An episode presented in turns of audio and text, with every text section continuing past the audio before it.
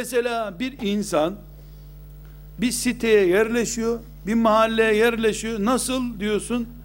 O zaman daha henüz köyden geldi ya. Vallahi müthiş insanlar. Allah razı olsun ya. Allah razı olsun ya. Ey Allah razı olsun. 6 ay sonra bir rapor alıyorsun ki bu bir savaş alanına yerleşmiş meğer ki. Köyden geldiğinde apartman ilk defa, asansör ilk defa gördüğü için uzay üssüydü orası. Sonra biraz daha asansörü hızlı, hidrolik asansörlü bir bina gördü mesela. O bina kötürüm oldu. Hiç orada oturulmaz ya. Orada oturulur mu? Bu genlerimizi kontrol etmemiz gerekiyor. Her şeyimizde geçerli bu. Sadece başı kel olan, abraş olan, ama olan sıkıntısı değil bu. Çünkü Resulullah sallallahu aleyhi ve sellem Efendimiz üç sıkıntısı olan insanı anlatmıyor. İnsanı anlatıyor. İnsan bu iyiliğe karşı nankördür.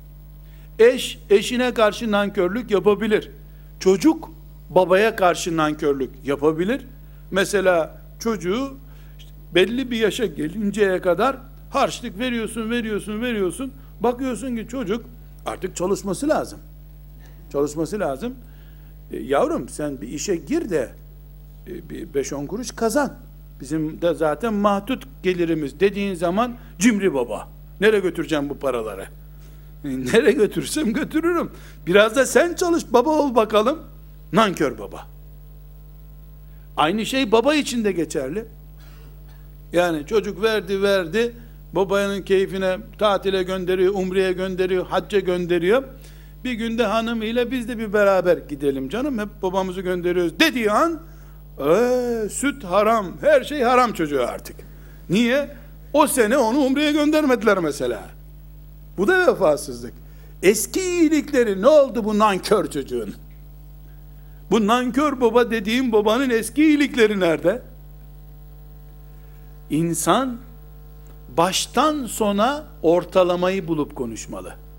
Ne o ilk günde mesela 30 senelik ilişkinizin ilk günlerinde Züleyha'ydı, Yusuf'tu bu.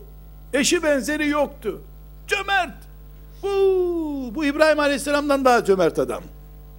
Bir Ramazan seni iftara çağırmadı, hain Nemrut oldu gitti hemen. Gitti Nemrut daha bir insanlıkta yeri yok. Hayır. Ne o ilk günkü cömertliğinden dolayı onu İbrahim'e benzet, ne de bir gün seni iftara çağırmadı diye Nemrut'a benzet. Ortasını bul. Bu 10 senelik, 20 senelik komşuluk, akrabalık, eşlik ilişkisinin ortasını bul. İlk gün 100 puan verip abartma, son gün eksi 80 puan verip öldürtme adamı. Ortasında 60 puanlık bir adam da mesela. Mutedil ilişkiler, mutedil takdirler kullanmamız lazım. Mesela en basit örneklerden biri bir öğretmen 3 sene bir çocuğu okutuyor. 3 senelik ilk değerlendirmesinde süper. Bunu uzaya gönderiyoruz. Bu çocuk matematik dehası. Bu çocuk çok iyi okur, yazar. Allahu Ekber ya bu doğuştan bilim adamı herhalde. Öbür sene e, öğretmen bey bizim çocuk nasıl? Odun odun. Bunu çoban yap bir, bir işe yaramaz.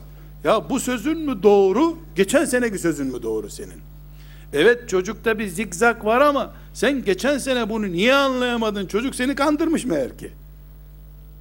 Bir atımlık barutu mu vardı bu çocuğun? Hocasın, hocalıkta da geçerli bu.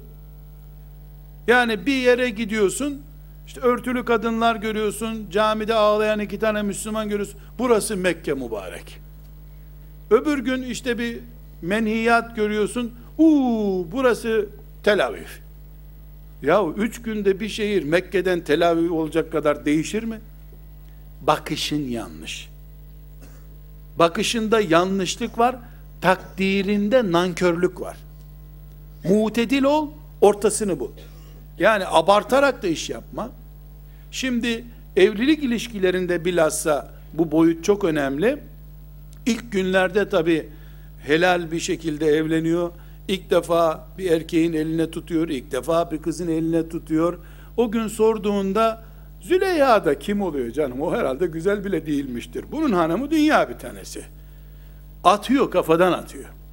Hele onu böyle bir görüşmelerde filan ikna ed- edecek bir süreç yaşıyorsa nişanlılıkta filan o ne şiirler ezberlemiştir o eş adayına onu söyleyecek diye. Öbür tarafta zannediyor ki Fesubhanallah bu kadar güzel değildi ama herhalde aynalar kalitesizdi bizim evde. Ben bu kadar yakışıklıydım da haberim yokmuş. Tabii insanlar üç gün baş başa kalınca dördüncü gün bir duraklama dönemi yaşanıyor. Bir duraklanıyor.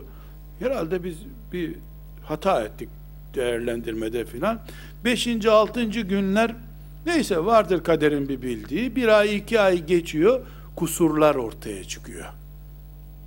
Mesela kaynanaların bu İsrailoğlu genlerinden olan hastalıklarından birisi e, kız istemeye gittiklerinde ben gelin istemiyorum ha ne istiyorsun? Kız alacağım ben. Kızlarım üç tane bir tane daha alacağım dört tane olacak kızım. Yani ne kadar o kızı bağrına basacağını söylüyor. Meğer kurbanlık için bir kız istiyormuş. Yani ahırdaki üç ineğini kesmeye acıyor da kurbanda kesmek için bir tane daha alıyor gibi ya sen bu kızı hani görmüştün, beğenmiştin, kızlarından daha iyiydi. Şimdi nereden canavar oldu bu? Nasıl birden canavar? Bir insan yani bu hılkat bir sene de beş sene değişmez ki. Yani İsrailoğulları maymun oldular ama 40 sene sürdü maymunluk süreçleri. 40 senede maymun derisinden kurtuldular. E bu 40 sene değil 40 gün sonra 40 gün sonra sen bu gelinin Allah'ın düşmanı, insan olmayan muzur bir şey olduğunu anladın. Hani damadını sen ilk ay tanıtırken canım benim çocuklardan iyi maşallah. Benim evlatlarım öyle olsaymış canım. Diyordun yani. Nereden bu damat şimdi İsrail casusu kesildi? O zaman da mübalağa yapıyordun. Dengeli konuşmuyordun. Bu zamanda dengeli konuşmuyorsun. İnsanoğlu bu işte. Sonradan görüyor.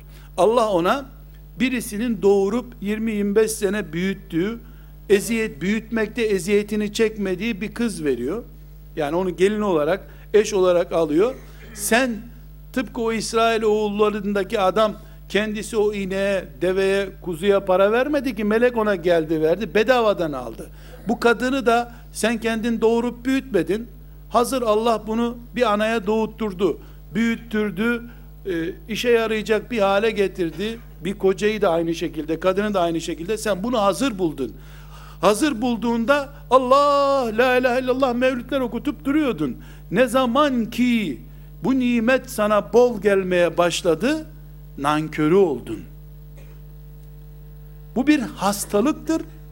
Mümin bu hastalıktan ne kadar korunduğuna bakacak ve Rabbine ne kadar bu hastalığa yakalanmadığını ispat edecek ki Yahudi ile muharref kitabı olan Hristiyanla farkı ortaya çıksın.